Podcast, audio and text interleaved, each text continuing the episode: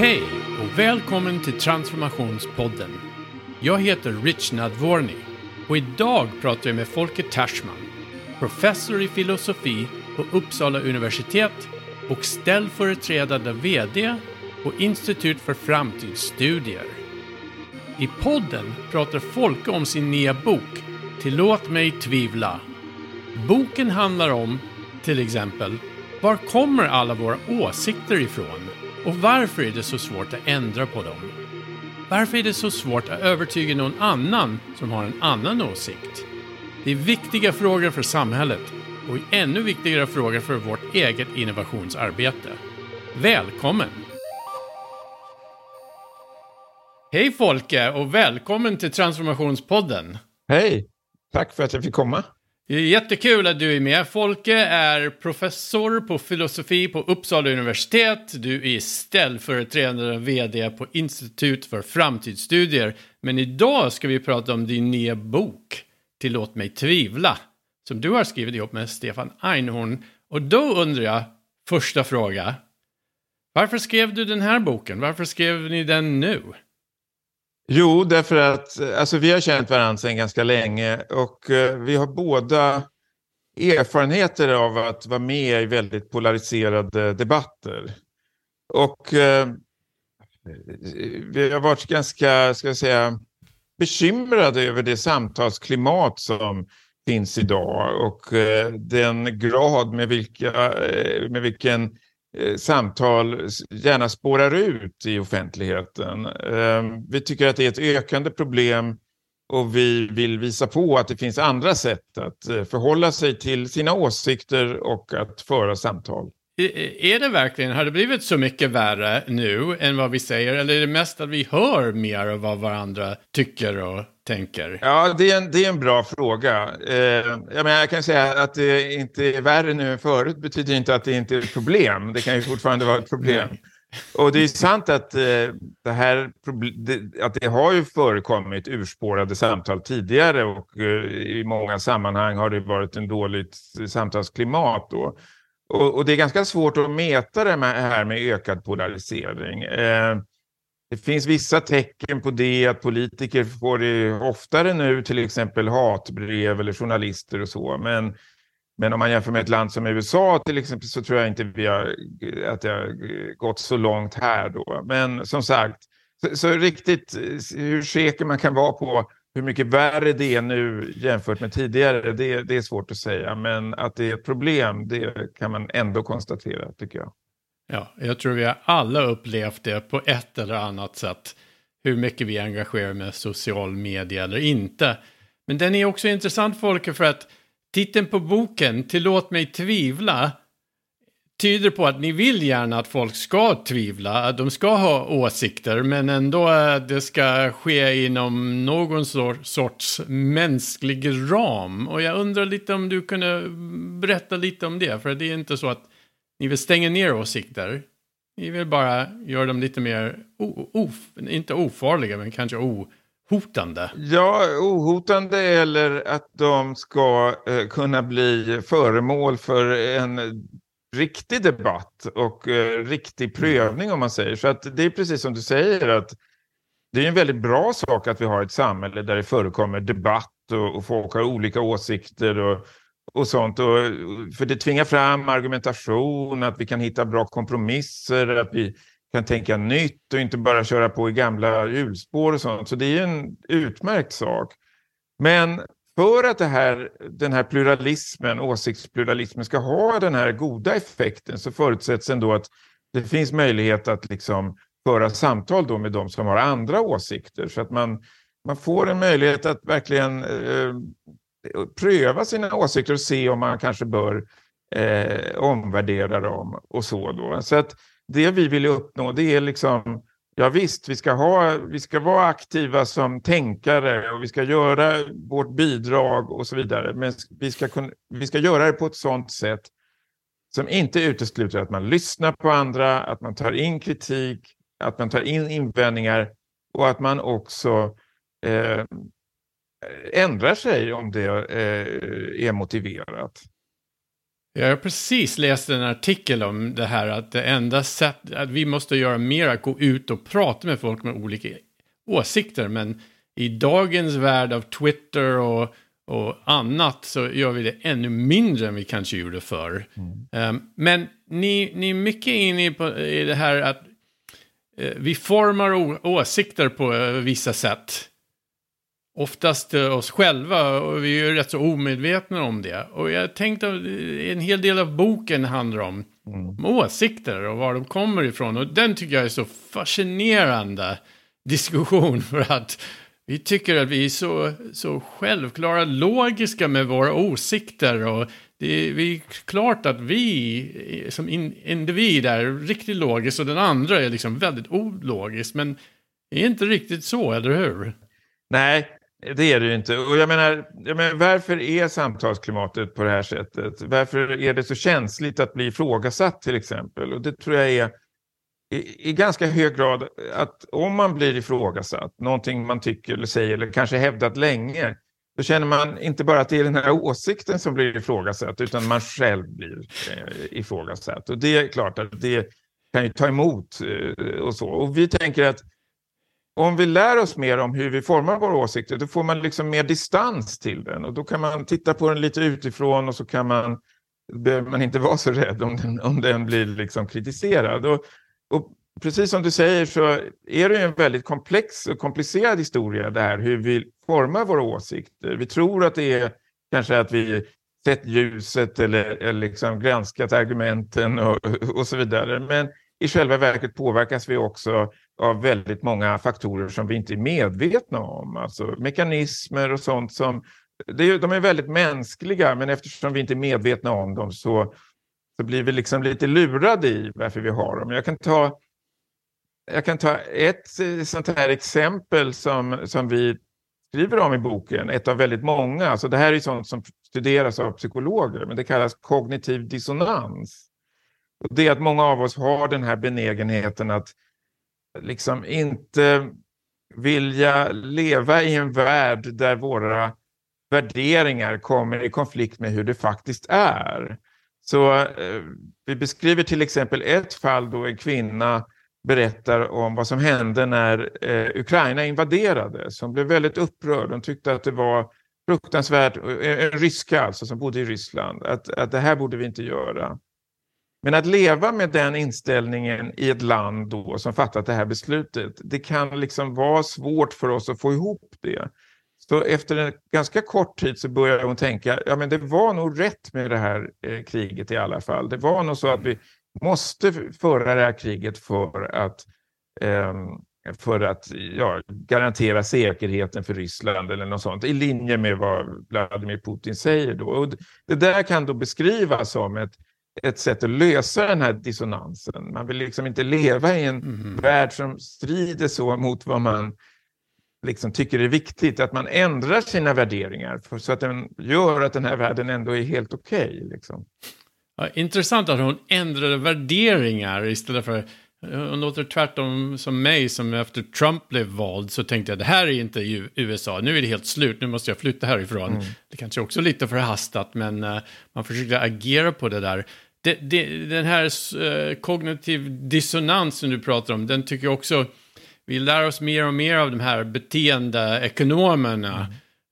Kahneman och, och Tversky och Thaler och Sunstein som hela tiden utgår ifrån, och det här tycker jag är roligast av nästan allt, att de visar om och om igen att det som vi tror och agerar på är inte riktigt det här rationella beteendet. Den har byggts upp under alla år som vi har levt med våra liminaltänkande. Det finns även liksom de här, det här behovet med scarf, liksom man måste ha vissa grejer som bemöter våra behov emotionellt och det som kommer fram handlar mest om det, att vi ska mm. känna oss den här tryggheten. Att ni även skriver så här eh, i boken att man inte kan lita sig på samhället och myndigheterna agerar rationellt ibland. Att myndigheterna gör inte det, vi tror att de gör det, men ibland klarar de inte av att göra det. Och jag undrar, jag har märkt folk att, för mig själv som skyddsmekanismen, jag, jag eh, kan tycka, min åsikt, att jag förstår mera om jag antar att folk agerar irrationellt istället för att anta att de agerar rationellt. Och jag tänkte, liksom, i era, era eh, skrivande och forskning, vad, vad ser ni i den här rationella, irrationella samspel som pågår mellan människor eller även i, inom sig själv? Ja, alltså jag, jag, tycker att det som, som du säger nu, alltså det är ett samspel mellan eh, Ibland är man så att säga mer rationell än an, i andra gånger. Och ju mer man ser av det här samspelet, desto bättre tycker jag. Att man förstår att man också själv är föremål för den här typen av påverkan då, som, man, som inte är så uppenbar. Så att säga. Samtidigt tycker jag att man ska förlåta sig själv för det. För vi är inte mer än människor. Mm. Det här är liksom, det är väldigt eh, eh, naturliga eh, saker. Men en sak är lite fascinerande, det är att när vi ska fatta vissa beslut till exempel, eh, som påverkar oss på ett ganska direkt sätt. Låt säga att vi, vi ska välja den bästa tvålen eller, eller tandläkaren eller, eller någonting sånt där. Då är vi mer försiktiga med hur vi formar våra åsikter och bedömningar. Då försöker vi verkligen undvika att saker kan gå snett. Eh, och då är vi mer rationella jämfört med om vi bildar våra uppfattningar om sånt då som vi egentligen inte har något inflytande över, låt säga klimatet eller, eller sådana där saker. Och då tycks liksom, eller, eller väldigt generella politiska frågor, då tycks det vara så att det handlar mycket mer om att hitta en identitet, att vara den som mm. kan genomskåda eh, sammansvärjningar och sådana saker. Och, och då blir det ett större spelrum för de här känslomässiga mekanismerna. Det, det är intressant. Ja, intressant. Så eh, om jag förstår rätt, eh, ju mer vi uppfattar att vi måste betala ett pris för våra åsikter, ju mer rationellt vi eh, agerar. Man vill inte lukta som den där tvålen, men så snart vi inte behöver betala något pris för det, då kan vi sväva ut och skapa vår självbild. Ja, precis. Men man kan ju ta en läkare till exempel som, som, som har ansvar då för att en patient ska bli frisk. Den har inte råd att, att sticka iväg i några konstiga... Liksom. Men att sitta vid ett middagsbord och säga att vindkraften kommer förstöra ekologin och alla fåglar kommer ramla ner och så vidare. Det, det, det har aldrig någon kostnad med sig. Liksom. Det är intressant att, att ni tar upp läkare så mycket. Såklart Stefan är en läkare och det, det kommer en studie eh, i USA för en 15-20 år sedan och vad de, vad de mätte då var de här besluten som olika hjärtläkare tog betingades av var de hade pluggat medicin. Mm. Så att de som var Eh, gick på eh, liksom, läkarhögskolan i stora städer, New York, Boston och sådana, jättemycket teknik. Där var det så att om man hade ett hjärtproblem, då blev det operation och snabb insats. Däremot om man hade blivit utbildad ut på landet och man hade inte så mycket, där, där föreslogs en annan typ av eh, liksom, insats eller rehabilitering. Och mm. de, de, de såg väldigt mycket att den åsikten man hade, även som läkare, färgades av det som man hade blivit mm. utbildad på och upplevt.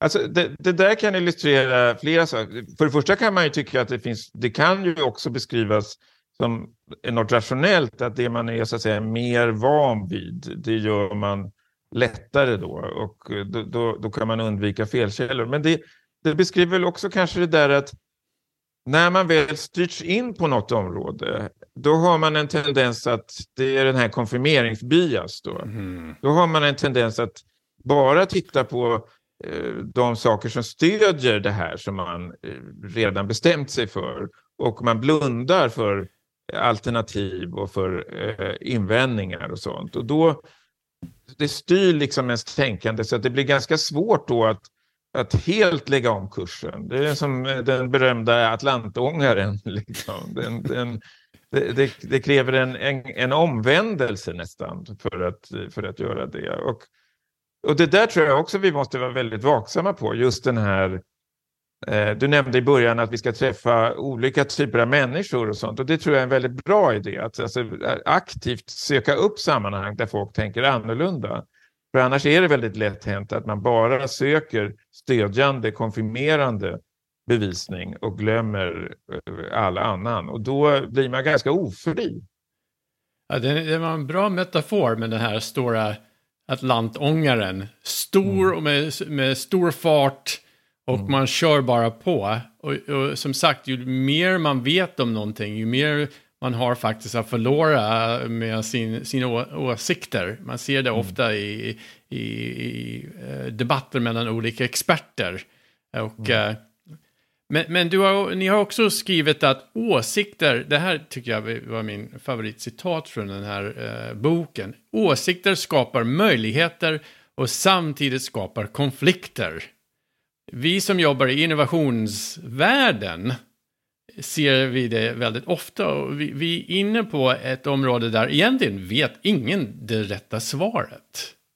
Vi, vi försöker testa oss fram till olika saker och, och eh, den här att man inte vet, att det finns inga klara svar, att någon kommer att säga någonting väldigt bestämt.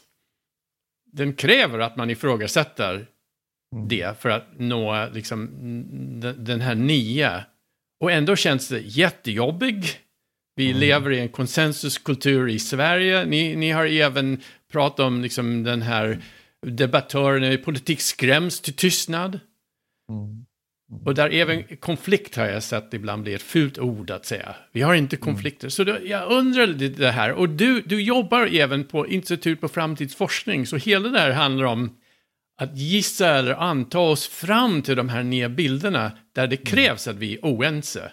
Mm. Så, mm. så hur, hur gör man det utan att folk blir jätteirriterade och arga på varandra? Här i ja, Sverige framför allt. Ja, visst. Alltså, jag menar, för mig som forskare så är det naturligt att inspireras av liksom hur forskningen borde fungera. Det gör den inte alltid, eh, dessvärre. Men då skulle jag säga att där är ju också så där att man, liksom, i alla fall i högtidstalen, man ska tillåta misslyckanden, man ska uppmuntra självständighet, Eh, Eh, man ska uppmuntra debatt och, och låt tusen blommor blomma och folk kan gå i olika riktningar. Det, det, säger man ju och i någon mån stämmer det, men inte ibland. Eh, så att säga. Och jag tror att det kan fungera när man känner, och det kan säkert vara likadant i en sån här innovationsbranschen eh, som du tillhör, att, att man känner att man ändå tillhör ett kollektiv som tillsammans ska ta steg framåt. Och det gör man genom att ifrågasätta varandra. Och när man har den gemensamma målsättningen, så att säga, att vi gör det här för att vi tillsammans ska lära oss mer om universum, om samhället, om vad det nu kan vara, då blir det mindre hotfullt av fel. Det blir mindre eh, hotfullt att ifrågasätta någon, för man vet liksom att man gör det mot den bakgrunden. Och det där är en bild som jag tycker man kan ha väldigt, väldigt ofta. Jag menar, ta det här kollektiva, liksom. ta fotboll till exempel. Eh, I ett fotbollslag så är det ju bra att det finns sådana som Zlatan, alltså riktiga eh, divor gissar jag, och, och, som kanske är på någon annan sån här stjärna. Men det måste ju också finnas alla möjliga andra, liksom. inklusive de som är bra på att spela utan boll. Liksom. Eh, och och de blir ju inte stjärnor, men de kan ju ja, distrahera motståndarna och sådana saker. Liksom. Eh, och när man förstår att man är i ett lag, ett kollektiv, ja då finns det utrymme för många fler sätt att vara på, tror jag. Och det, eh, det ska vi uppmuntra. Och då tror jag inte att det... Jag tror det också, vad ska man säga, eh, motverkar att det blir så starka känslor som individer har mot varandra, som ju är nu i det här upp, lite upptrissade klimatet. Ja, det är otroligt bra sagt. Vi jobbar mycket också med, det här, med team och psykologisk trygghet och även rädslor. Och det som man också ser, även på de, de bästa team, de har lärt sig hur man bråkar med varandra på ett sätt. Mm. Liksom de här lyckade fotbollsteamet, de skriker åt varandra emellanåt för att mm. de alla vill. Och på något sätt har de, har de löst det på ett sätt att de kan vara lite irriterade och arga på varandra för det här kollektivens skull utan att det blir skilsmässa eller eh, på något sätt, de har hittat en mekanismen att även om det är i hettans tider de reagerar, att de inte bär omkring det personligt. Mm. Och den tycker jag är otroligt svårt när man tänker på att dela åsikter eller dela politiska liksom, åsikter eller någonting annat. Så den här, den här hettan, jag undrar liksom, vad, vad gör ni på eh, filosofisk institution eller framtidsforskning? För du sa också så här, eh, att, vad var det du sa, om, om, uh, om två människor kommer överens så är en av dem inte en filosof eller någonting. den är liksom inbyggt att ni inte ska komma överens. Men hur gör mm. ni det att ni kan släppa det? Nej, men alltså just, jag vet, just filosofin är ju speciell. Alltså vi, är ju sven, vi svenska filosofer är ju svenskar. Så, att säga. så, så, så, vi har ju också det där i ryggraden att man inte ska skapa dålig stämning eh, och, och, och, och sånt då, utan mest helst hålla med varandra även om man tycker lite olika. Eh, men, men samtidigt i, i, i, filosofi är ju etos så starkt att liksom, där är det oenighet som driver diskussionen framåt. Så där, det hjälper oss ju att att eh, så att säga komma över det. Men, men det är väl också att när man lyckas med det tror jag är när man har en miljö som du säger som är trygg på så vis att människors självkänsla inte kroknar bara för att de har fel. Liksom. De kan säga jag hade fel mm. om det här. Och trots att jag, jag är professor, jag borde inte ha fel när min student förklarar någonting för mig. Så Men att man då skapar förutsättningar som gör att man, det är inte hela världen faktiskt, att, att, att man råkar ut för det där. Och, eh, och det är ju lättare sagt än gjort att göra det. Jag tänkte säga det om det här med experter till exempel. Då skriver vi om det i boken också. Det finns ett fenomen som är intressant, nämligen, jag tror det kallas försenad dogmatism, kallas det. Och det är att många experter de har ju mycket, mycket svårare att ändra sig än mm. vanliga människor. Och det är för att de då tycker jag har gått så länge i skola eller jag har liksom varit verksam så länge att jag inte ens behöver lyssna på andra längre. Och så. Eh, men där tror jag att det är kopplat liksom till de, det kanske är deras identitet att de är experter och, och vad är de om de inte är felfria? Då är de ingenting liksom. Och, eh, och det, det gagnar ju inte ett, ett, ett, en bra lärande eller en bra... Men, men som sagt, att, att, att få fram det eller öka det, det är ju inte det lättaste. Mycket status eh, som vi tolkar ur våra åsikter och hur folk agerar på det. Vår, ni pratar om det även, den här självbilden, berättelse vi har om oss själva. Om, det, det, är snarare det som om någon börjar rucka på den så kan vi, det är liksom någon skyddsmekanism.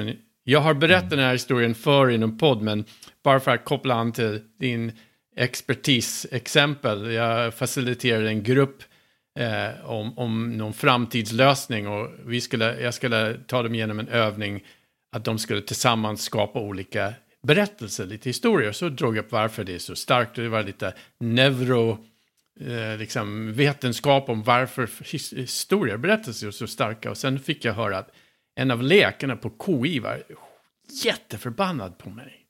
På den där. Och jag sa, oj, vad, vad sa jag för fel då? Och det handlar inte om det. Han var, han var knäkirurg, så han kunde ingenting om det där. Men han tyckte jag borde inte uttala mig om vetenskap eftersom jag hade, det var inte det som jag hade att göra. Det var han som skulle uttala sig, så han vägrade mm. delta i den.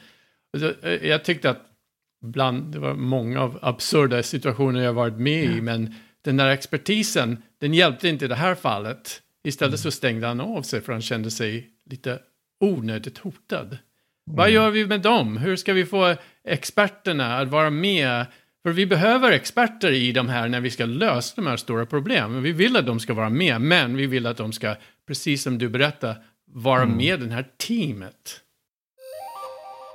Hej! Samuel här som bryter in i ditt ordinarie program med ett snabbt tips. Lyssnar du på vår podd så har du hört oss prata om den nya europeiska innovationsstandarden ISO 56000.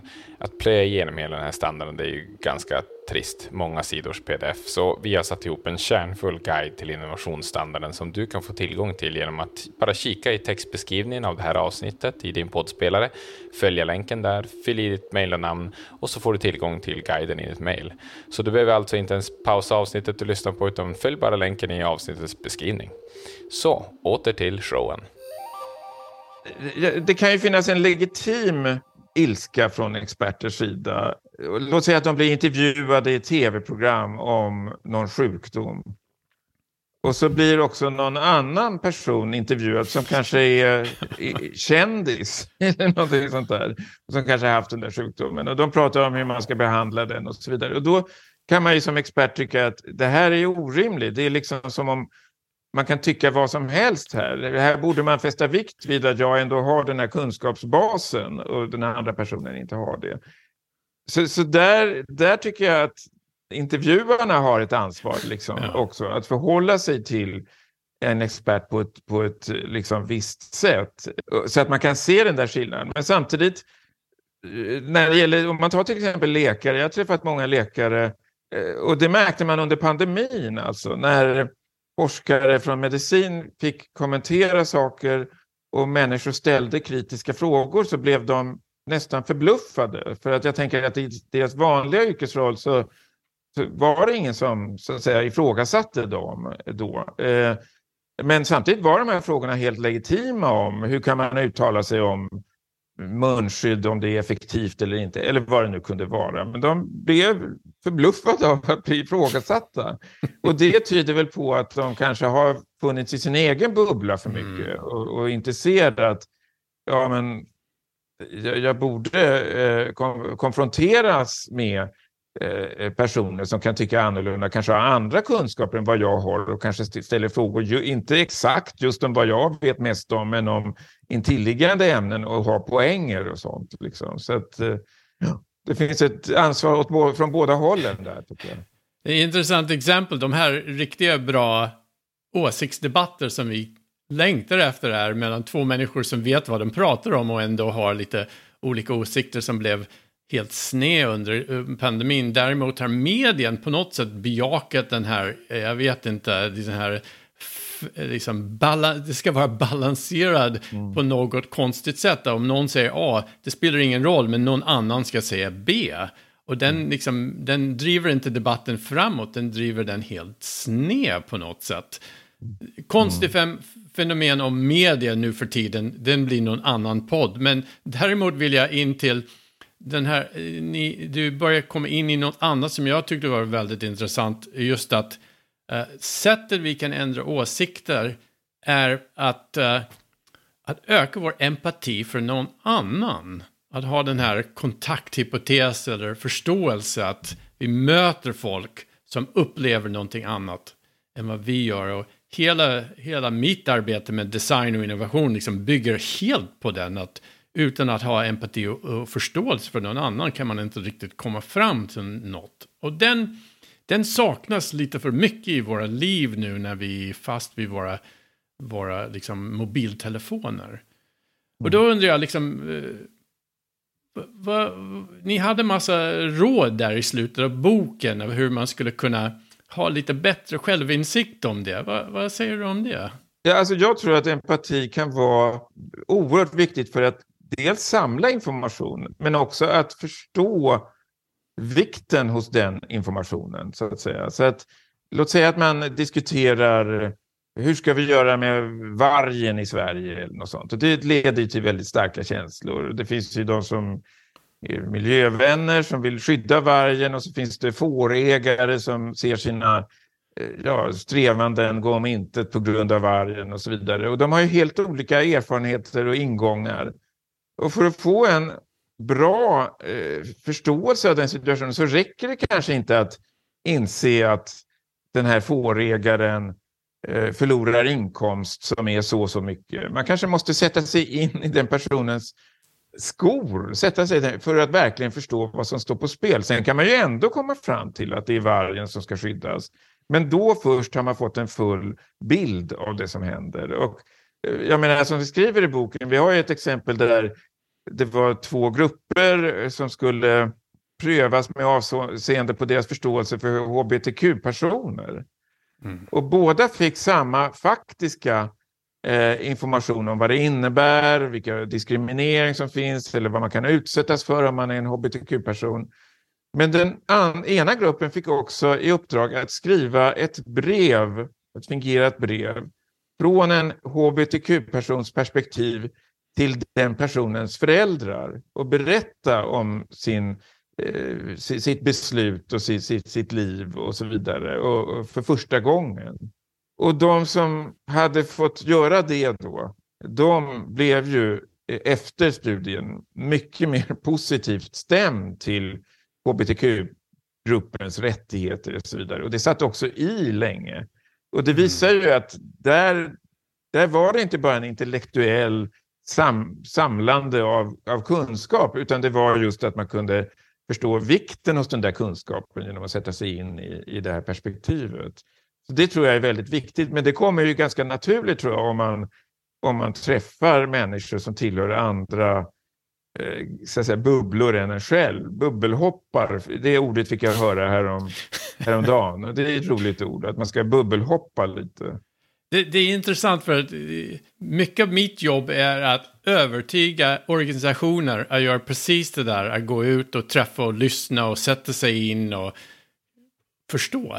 Eh, mm. Eh, det är väldigt svårt för man, man tycker att man kan väldigt mycket redan inifrån och ut och det tar tid. Men, och låt oss göra en enkät istället där man kan svara ja och nej. Men det, det här att, att ta tid att lyssna på andra upplever jag att folk tycker den är lite onödigt eller jobbigt eller jag vet inte, kanske för obekväm. Mm. Men det som du beskriver med det här, wow, vilket bra experiment. Hur skulle vi kunna göra mer av det? Absolut. Eh, jag tror att när man väl har gjort det och när man väl gör det, det är min erfarenhet, då känner man sig rikare intellektuellt och ja, det är ett sätt också att utmana sig själv och leva i högre grad, om man säger så, än att bara liksom köra på gamla hjulspår och låta den här konfirmeringsbiasen bädda in en i någon sorts tröstfilt, eh, så att säga. Ja, du är inne på, jag ljög sist när jag sa den där citaten var min favorit ur boken. Nu, nu, nu kommer min absolut favoritcitat ur boken. Och ni skriver, mod är att vara rädd med att handla ändå. Och på något sätt är det det allt det här handlar om med framtiden och innovation och förstå åsikten, just det här modet. Det är okej okay att vara rädd och osäker, men det, om man inte gör någonting åt det, det blir bara värre. Det här att handla, det här att gå ut och det som du beskriver, det är att leva. Jag tycker egentligen det var en bra beskrivning av liv, vad livet borde vara. Att vara mm. rädd men ändå handla. Absolut, och, eh, ja, och utmana sig. Jag menar, det, vi, vi förstår alla att det kräver mod att klättra upp för ett högt berg som man kan trilla ner. Men, men att också ifrågasätta sina käpphästar och, och, och, och, och, inte bara låta oss styras av så att säga, förutfattade meningar. Det är också en sorts mod. Såklart. Så en av de sakerna som jag älskar mest med den här boken jag tycker den är en väldigt bra skriven bok, ska jag säga det, Folke. Och, och jag ska också erkänna att jag är jättekräsen vad det gäller mer fackböcker. Jag har hyllor av böcker jag har läst, liksom en femtedel eller en fjärdedel och tänkte det här bara, jag klarar inte av det. Men din, er bok tyckte jag, det var så, dels var det så otroligt välskrivet och direkt, men ni gjorde no någonting som jag har inte sett så mycket av och det är att Förutom att ni hade massa historier från er, era egna erfarenheter, ni avbröt det med ett samtal. Så mitt i bo, mm. liksom efter varje kapitel, du och Stefan säger, ja, vad tycker ni om det här? Så man fick liksom vara med och tjuvlyssna in på hur ni tänkte. Och den, den var briljant och det var kanske det mest intressanta av hela boken. Mm. Att, att ni gjorde det så välgjort. Och då vill jag fråga dig då, när vi pratar mod och leva och så här. Hur gör du det? Hur, hur vågar du kliva ur din liksom, säkerhetszon för att utmana dig själv? Alltså jag måste säga att jag, liksom, jag tror många andra gör det allt för sällan. Alltså jag gör det när någon hjälper mig att göra det ofta. Om de bjuder med mig på någon, till någon förening eller någon organisation eller något evenemang eller, eller att lära känna nya personer. Jag, jag har ju bott utomlands i, i några omgångar och i, då har jag fått konfronteras då med andra bubblor om man säger så. Då. Eh, men jag gör det allt för sällan. Men det är klart, har man barn till exempel så, så utsätts man ju för, för den här typen av saker lätt. För att de, de, eh, inför dem kan man inte bara eh, gå på, om man blir ifrågasatt av sina barn, då, då tvingas man ju faktiskt att, att tänka efter. För de, de, kan man inte bara avfärda, för man vill ju ändå ha deras förtroende och det finns ingenting som är viktigare än det. Så, så det är en källa till nytänkande för mig, för att um, de utmanar mig rätt ofta.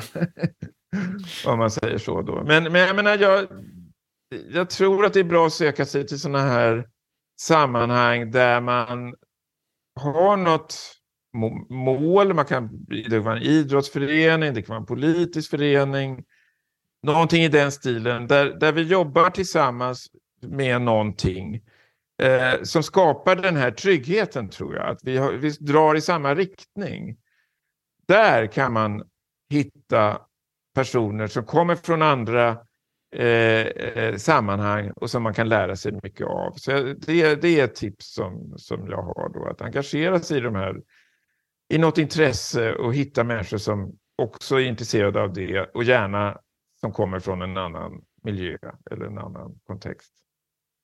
Jag upplever även i de här diskussionerna som ni delar i boken att bara hitta på ett projekt och jobba igenom den med till exempel Stefan att den utmanade dig och du, mm. du utmanade honom på ett sätt som ni inte riktigt var förberedda för innan ni satte igång med den. Och den tyckte jag också var intressant att när man sätter ihop, när man går ihop med någon för att skapa någonting nytt, mm. det verkar som det händer rätt så mycket för er personligen. Ja, ja det tycker jag. Alltså det var, eh, därför att det var inte så helt lätt måste jag säga, för vi har ganska olika, eller hade ganska olika Ja, det utvecklas lite, men olika eh, en, vad vi, målsättningar kan man säga med skrivandet. Hur det skulle vara, hur, hur mycket skulle vara allvar och hur mycket skulle vara mer eh, liksom en sorts underhållande eh, stämning. Och, och vilka exempel ska vi ta, vilka frågor är för svåra, vilka är för lätta. Och där blev vi lite eh, oense alltså, många gånger. Men samtidigt hade vi ju det här, vi måste ju bli klara med boken. Och, och då får man lyssna på den andra och bli övertygad. Och, och ibland fick man ge sig utan att bli övertygad. Jag menar, alla borde ju ha den erfarenheten att, liksom, att få ge sig ibland. Eh, det tycker jag är väldigt, en väldigt viktig erfarenhet att ha faktiskt. Den, den är trots allt typisk av den, den skapande och även konstnärliga processen. Att man tvingas in i det här. Man har rätt om vissa saker och fel om massa annat. Man måste hitta en väg framåt. Man måste ge efter eller man måste leda. Och, och den försöker vi hela tiden säga. Om man ska, om man ska uppleva det här. Hur, hur skapar man åsikter? Hur kommer man inte överens? Hur löser man det här? Det är där, det här skapandet. Och, det som jag tycker var, som sagt. Även om man inte är så intresserad av åsikter jag tycker den här boken var en otroligt bra facit för en, för en konstnärlig process som man gör tillsammans med någon annan. Man skulle nästan se det som liksom någonting annat. Mm, mm. Det var roligt, det gläder mig. Och, och det som eh, jag, men i och med att det handlar om åsikter, det som, det som jag tar ifrån där framför allt folket var att trots att vi har åsikter och trots att de är byggda på våra erfarenheter och våra tron och våra övertygelser så kan man ändå göra något åt dem. De är inte fasta för evigt. Man kan faktiskt ändra på dem. Mm. Mm. Och, och, om du skulle lämna våra lyssnare med vad de ska göra för att i alla fall vara mer medvetna om sina åsikter, hur man kanske skulle ändra dem. Vad skulle du säga till dem? Nej, jag, jag tycker att vi har ju redan nämnt en sak och det är ju det här med att aktivt leta efter sammanhang där folk är annorlunda, tänker annorlunda. Och, och var inte rädd för det utan se det som en rolig utvecklingsmöjlighet. Mm. Men det andra är ju ett tips som vi tar upp i boken, det är ju att lite öva sig i att, om man har en åsikt, öva sig i att försöka försvara den motsatta åsikten så mycket som man mm. kan och så ärligt som man kan. Och gör man det lär man sig någonting. Det behöver inte betyda att man ändrar åsikt, men man lär sig faktiskt någonting eh, eh, som, som fördjupar ens säga, åsikt kan man säga, eller ger en, en mer välgrundad åsikt, så kan man uttrycka det. Så det är också ett tips, och det är roligt dessutom. Kul! Jag tror jag ska stjäla den för min nästa workshop. Att Mm. när folk har sagt vad de tycker, nu, då ska jag tvinga dem att ta det motsatta och se vad som händer då. Eh, Mm. Det kommer att bli eh, antingen kortslutning eller lite Mm. halleluja, vi får se. Jag får berätta för dig sen. Ja, det ser jag fram emot. Men framförallt, jag vill tacka dig för det här roliga samtal. Det var kul att eh, prata med dig och Mm. kul att läsa boken Tillåt mig tvivla. Ja, jag hoppas att vi kan fortsätta den här diskussionen. eh, Det, det hoppas jag också. sätt. Ja, och det var väldigt roligt att få vara med och, och få prata med dig. Tack för att du lyssnade. Vi kommer att posta en länk till Folkets bok Tillåt mig tvivla på vår Hello Future sajt. Har du något i podden som du hade åsikt på? Skriv gärna till oss på LinkedIn för att få igång en diskussion. Om du har idéer om vad du skulle vilja höra mer om i Transformationspodden, mejla oss på podcast at hellofuture.se. Hej då!